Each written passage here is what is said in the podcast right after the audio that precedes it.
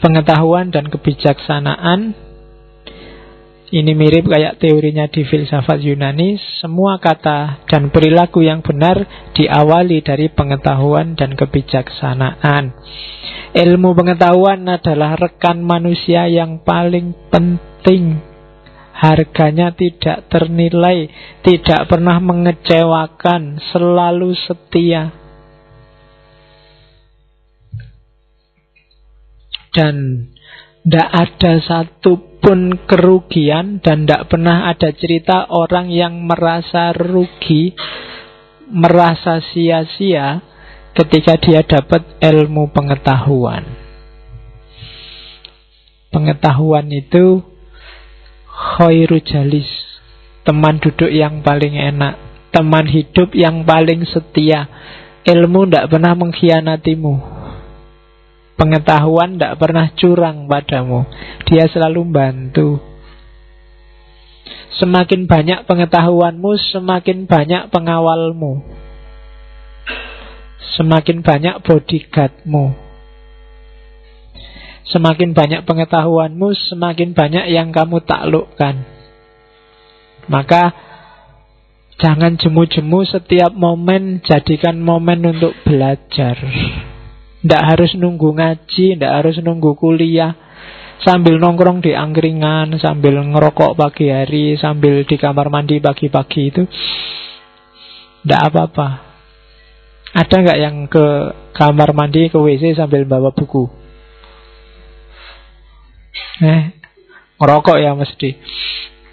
Saya dulu sering. Sekarang kadang-kadang. Nggak apa-apa kan di kamar mandi itu lama aktivitasnya. Sambil baca-baca komik apa baca apa kan nggak masalah.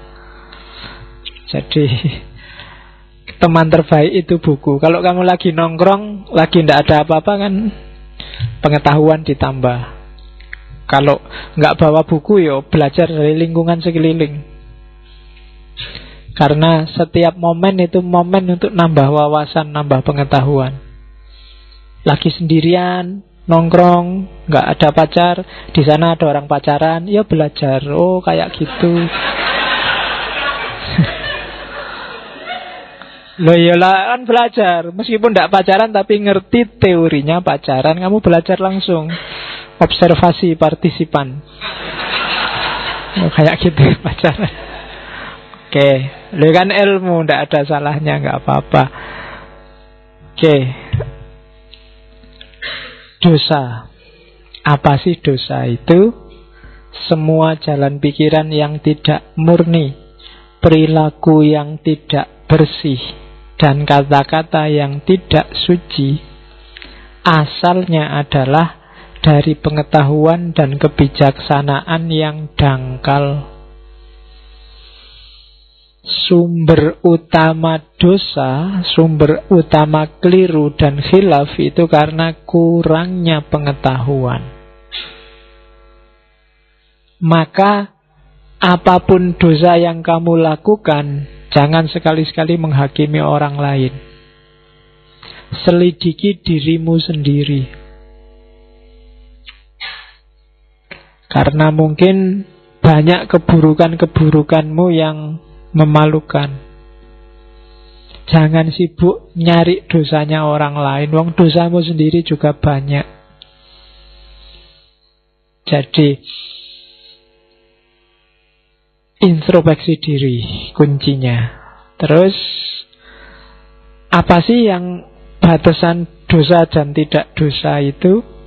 Antara lain ngasih contoh kalau di Avesta. Jangan kau sakiti seekor semut yang sedang bekerja keras Mengangkat sebutir gandum demi melanjutkan kehidupannya. Karena ia pun memiliki kehidupan dan kehidupan itu amatlah manis bagi kita semua. Ini contoh agar kita tidak iseng. Banyak perbuatan yang menurut kita netral bagi Zoroaster itu dosa loh kamu jalan misalnya di taman, tiba-tiba tanganmu usil ada daun dipanggil ter, nggak ada iseng aja sih nyabut-nyabut daun, nyabut itu bagi Zoroaster dosa. Gunanya apa? Daunnya terus kamu buang di tempat sampah buat apa?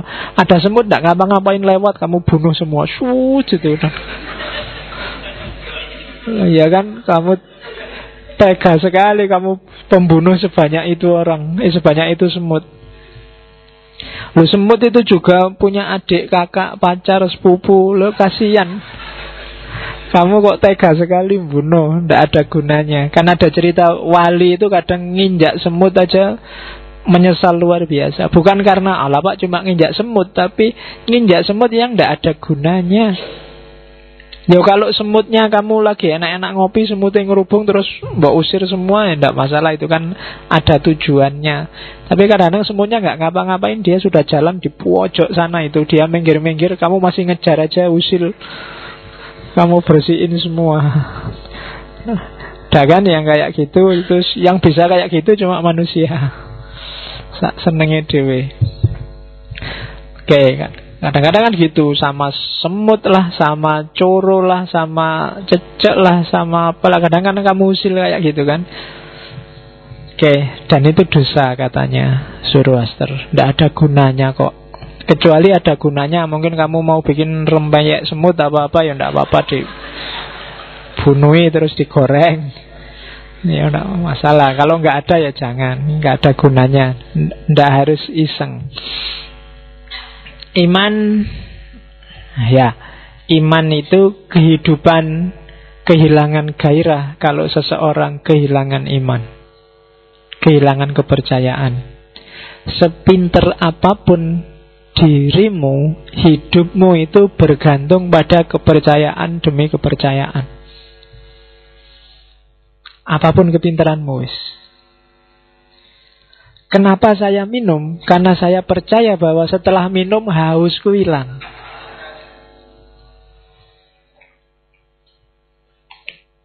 Ya kan? Beneran kan?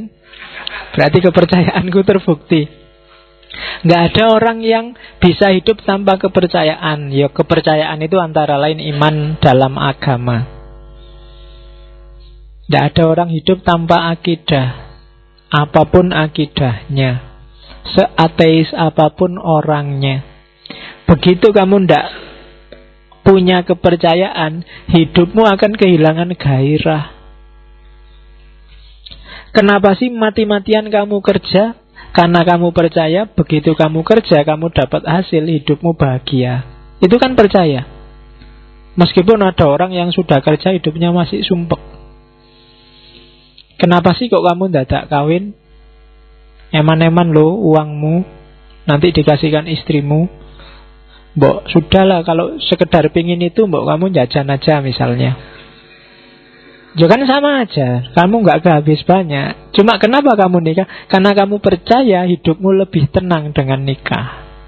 Iman. Kepercayaan. Kenapa kamu kok mau-maunya ngaji kayak gini dua jam? Saya juga kok mau-maunya ngomong rong jam Tidak selesai-selesai Loh ya kan, lo kalau dipikir kayak gitu lo yang ngapain capek-capek itu. Tapi kan ada kepercayaan yang kita yakini. Yo sidik-sidik ono manfaatnya syukur lah.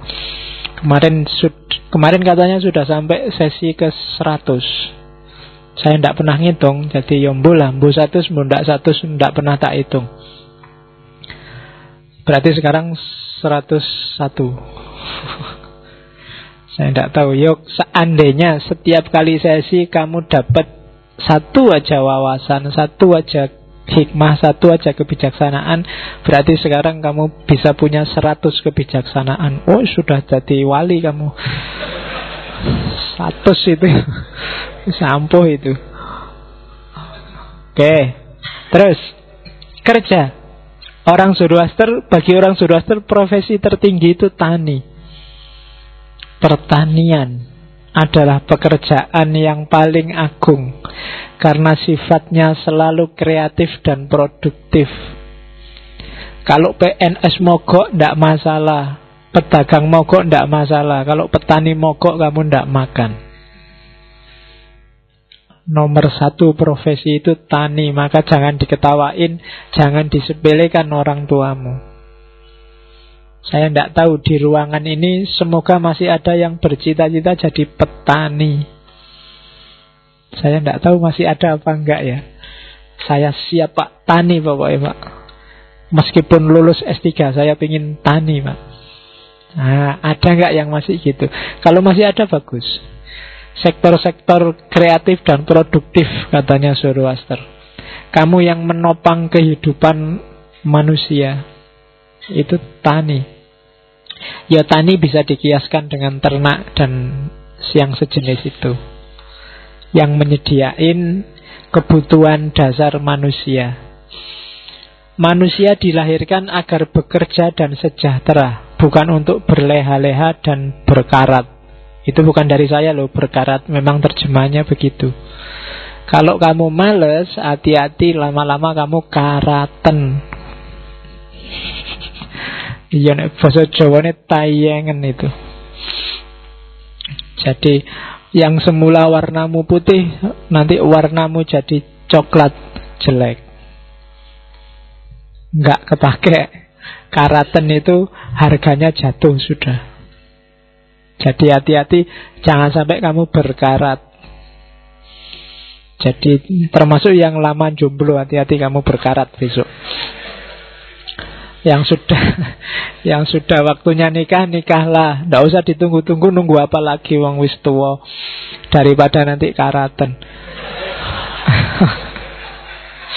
ya kalau karatan susah sendiri kamu.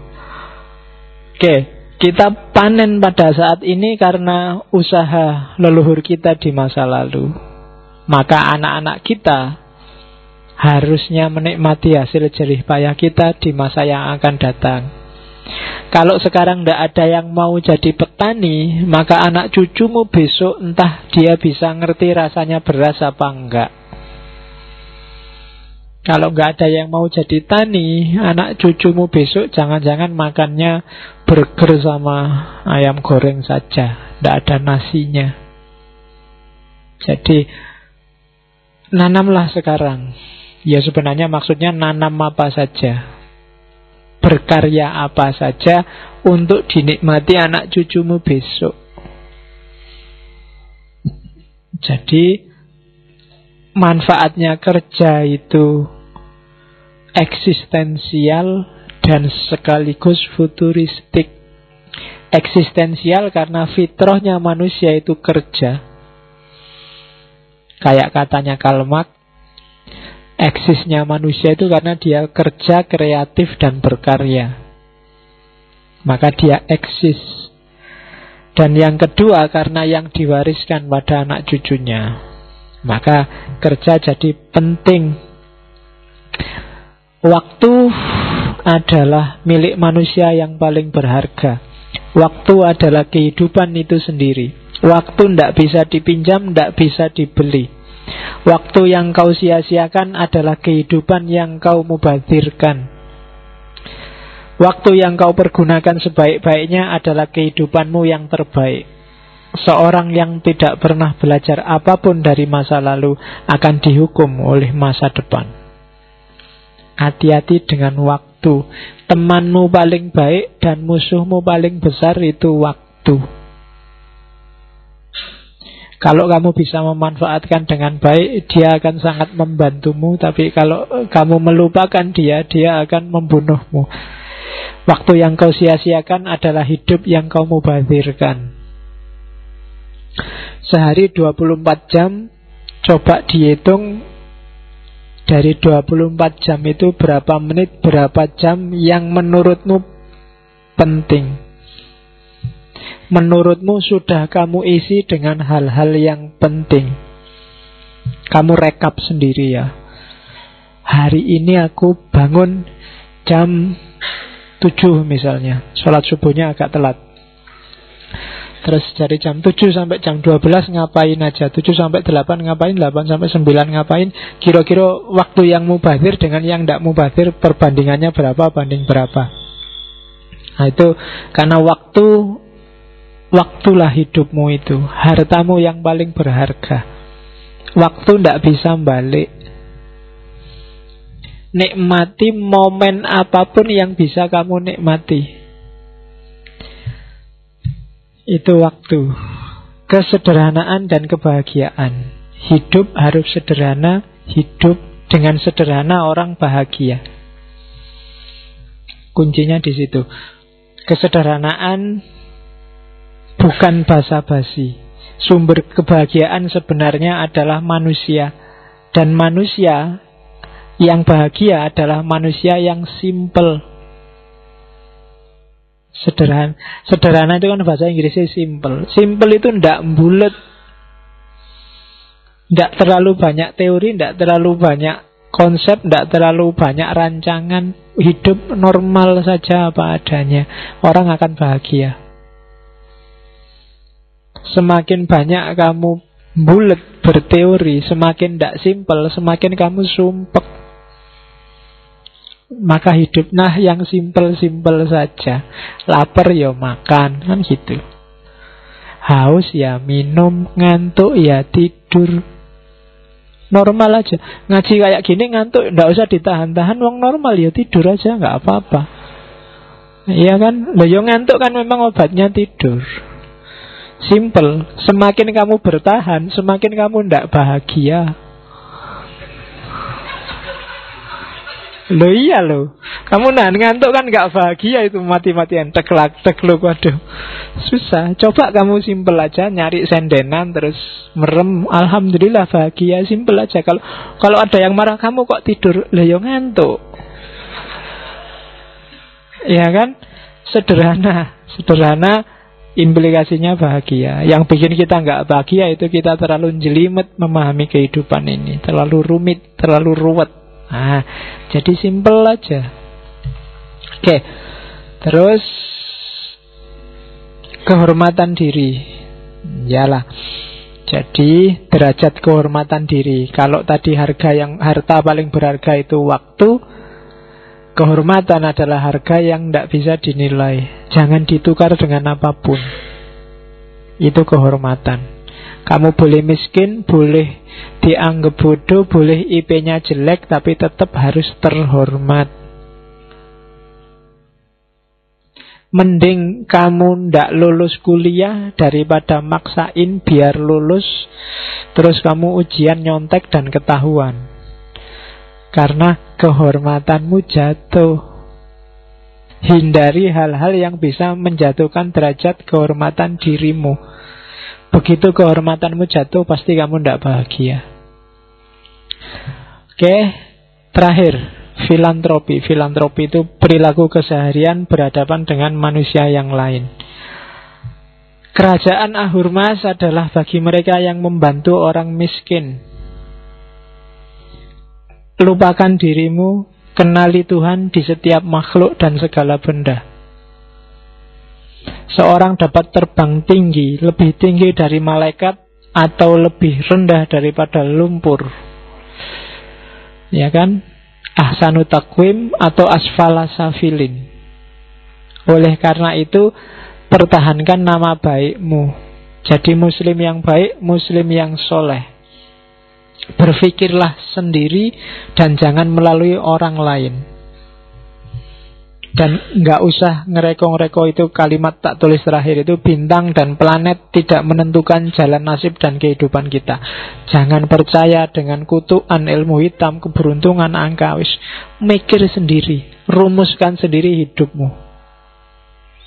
Nggak usah terlalu rumit rumit kamu baca-baca ramalan bintang lah baca-baca kan. Sering kan yang kamu gitu ramalan.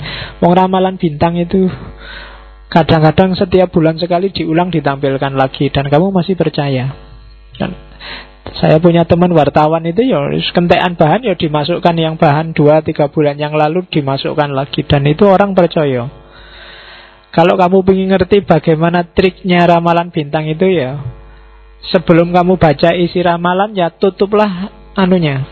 Tutuplah judulnya yang Taurus, Pisces itu tutupan. Terus usahakan kamu tidak ngerti itu bagian apa. Bacalah isinya nanti kan semuanya kayaknya cocok sama hidupmu. Coba aja.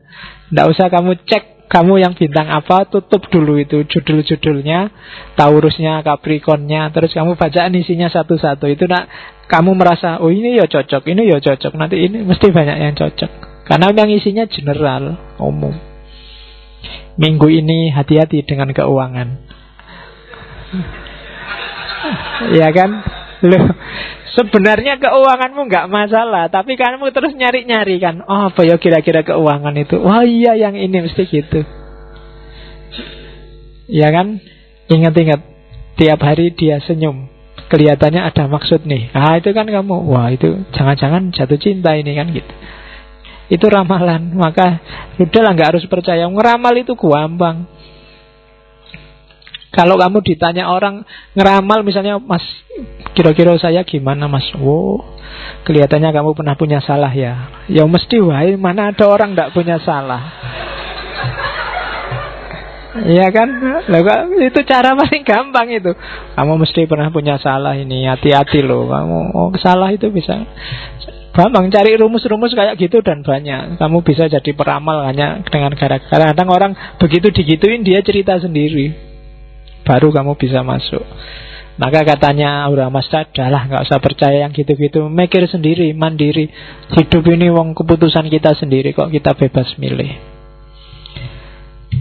Oke, sudah agak lewat sak menit jam 10 Itulah Zoroaster Zarathustra yang diidolakan oleh Nietzsche. Karena kebebasan berpikirnya monoteisme tertua. Paling tidak malam ini kamu kenal lah yang selama ini gelap sama sekali. Hanya kamu anggap dia sebagai agama musyrik yang menyembah api Sebenarnya inti-inti ajarannya mirip-mirip saja Setelah kita passing over ke sana Kita kembali ke Islam kita kan lebih segar Itu tujuannya passing over Oh iya ya, mungkin sumbernya memang sumber yang sama, hanya saja oleh para penerus dan pengikutnya terjadi deviasi-deviasi. Sama kayak minggu depan ketika kita ngomong Isa. Tidak ada satupun yang salah yang diomongkan oleh Isa, oleh Yesus, tapi nanti beberapa pengikutnya yang agak keterlaluan dalam tanda petik melakukan deviasi-deviasi.